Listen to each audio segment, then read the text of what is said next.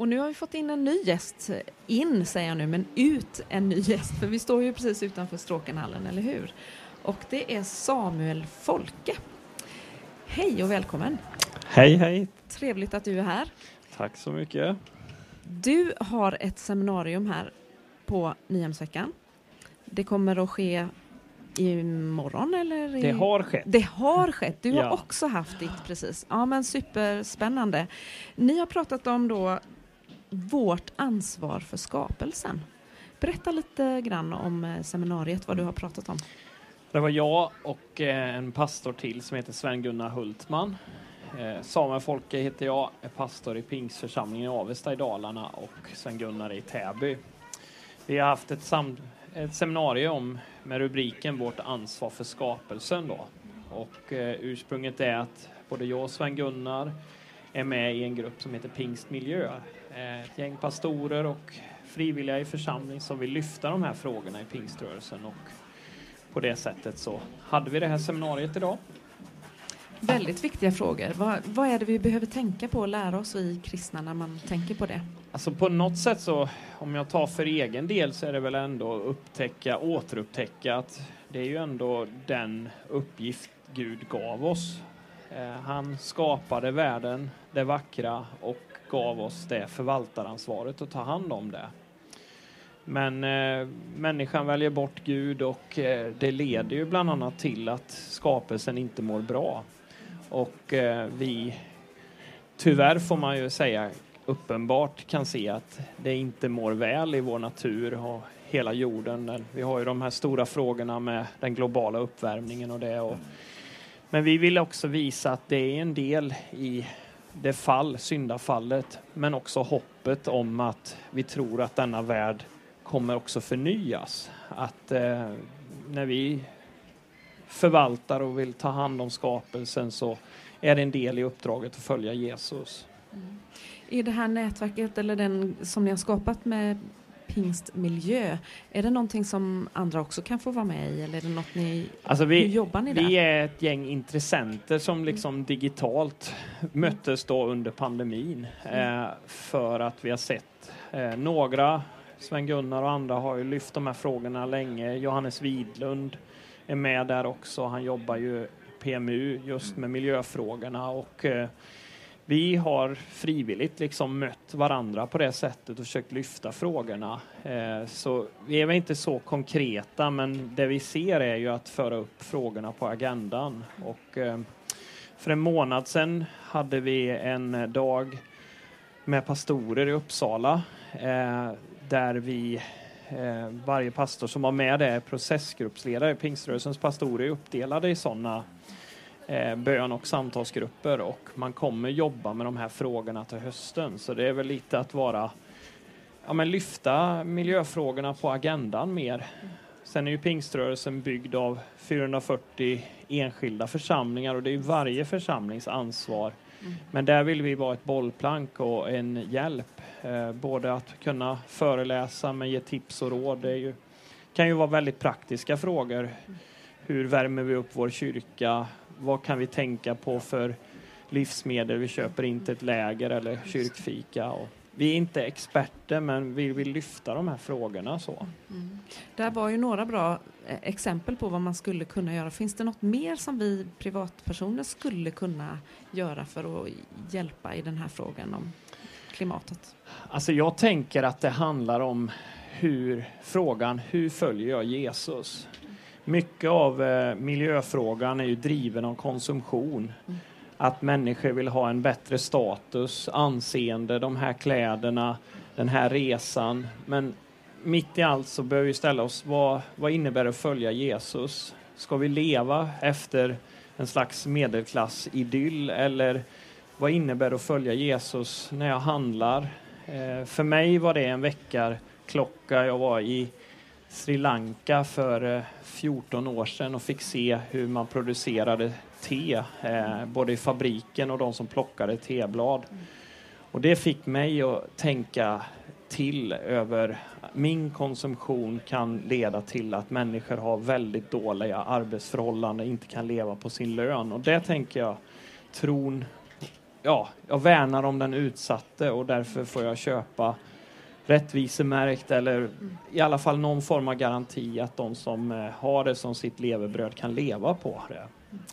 Eh, ja, det finns mycket konkret, men, men jag skulle, om jag tar det liksom att på något sätt att följa Jesus handlar också om hur jag konsumerar, hur jag lever, hur jag reser och vad som är primära mål i mitt liv. Och jag skulle säga att vi har ett rikt arv. Både att ge av varje söndag samlar vi in pengar. Vad skulle jag annars gjort med de pengarna? Mycket konsumtion. Jag kan ge det till andra som är i större utsatthet eller få, människor får möjlighet att höra om Jesus. Så vi har rätt så mycket miljövänliga element i våra församlingsliv redan, men kan bättra på. Ja, frågan en annan sak då.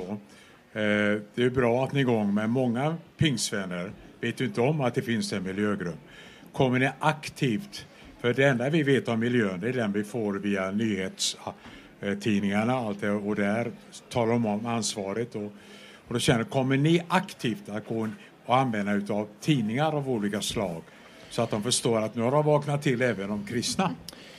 Ja, jag skulle vilja säga att andra kyrkor, får man ärligt säga, har ju legat mer i framkant. Eh, vad det beror på att vi i pingst kanske lite sakteliga vaknat, det finns nog olika orsaker, men vi vill ju inte göra oss själva kända, men vi, nu kan vi äntligen börja träffas fysiskt också, vi som är, och eh, vi får vara mer konkreta vad vi kan göra. Men vi vill inte bli kända själva utan vi vill att den här frågan mm. kommer på agendan. Ja. Både i pingst på riks men också i varje enskild församling och enskild kristens liv. Så. För återigen, jag tycker alltså man kan se redan första Mosebok kapitel 1 förvaltarskapet, mm. odla, bevara. Precis. Hur ser du framtiden? Eh, vad längtar du efter? Vad är, vad är drömmen liksom att framtiden om, om tio år? Vad önskar du? Ja, men jag skulle önska att den unga generationen som mycket ser allvaret, jag menar det, det, vi får ju ändå säga att det är ett allvar. Vi har rekordvärme i Frankrike, Spanien, det kryper nära. Men tar vi också i vårt perspektiv, vi som kyrka är ju direktkontakt med de som är mest utsatta. Våra systerkyrkor kan säga att våra skördar blir allt mindre, det regnar. Så det, det, jag skulle vilja det är väl att man ser att hela världen tar frågan på allvar och den unga generationen kan se att vi äldre inte bara säger en sak utan gör en handling. Och på något sätt att vi som kyrka kan ta in hoppet här. Jag vill säga att Gud har inte gett upp med sin skapelse. Han eh, fortsätter ömmar om den. Jag tror han sörjer över utvecklingen. Och ändå att det, får, det hoppet får sporra oss till engagemang. Inte mm. som en kudde och vila att Gud tar hand om det, men tillsammans. Vi har ett hopp om skapelsens befrielse tillsammans med Herren. Ja. Och våra unga som är ju lite, de har ju kommit lite längre i de här frågorna. De tänker ju väldigt mycket på klimatfrågor. Jag har själv en dotter som ser det som otroligt viktigt. Hon har lärt oss hur mycket som helst. Man försöker ju så gott man kan och, ändra på sitt liv. Mm. Eh, och hon har peppat oss jättemycket att göra det. Eh, alltså ungdomarna. Mm. Är det de som är, vi måste börja lyssna på dem helt enkelt? Ja, det tror jag. Sen, sen tänker jag själv, jag fyller 40 år i år, jag, mina mor och farföräldrar levde jättemiljövänligt. Men mm. om jag skulle säga att du är miljövän, det visste man knappt ordet för man var uppväxt så.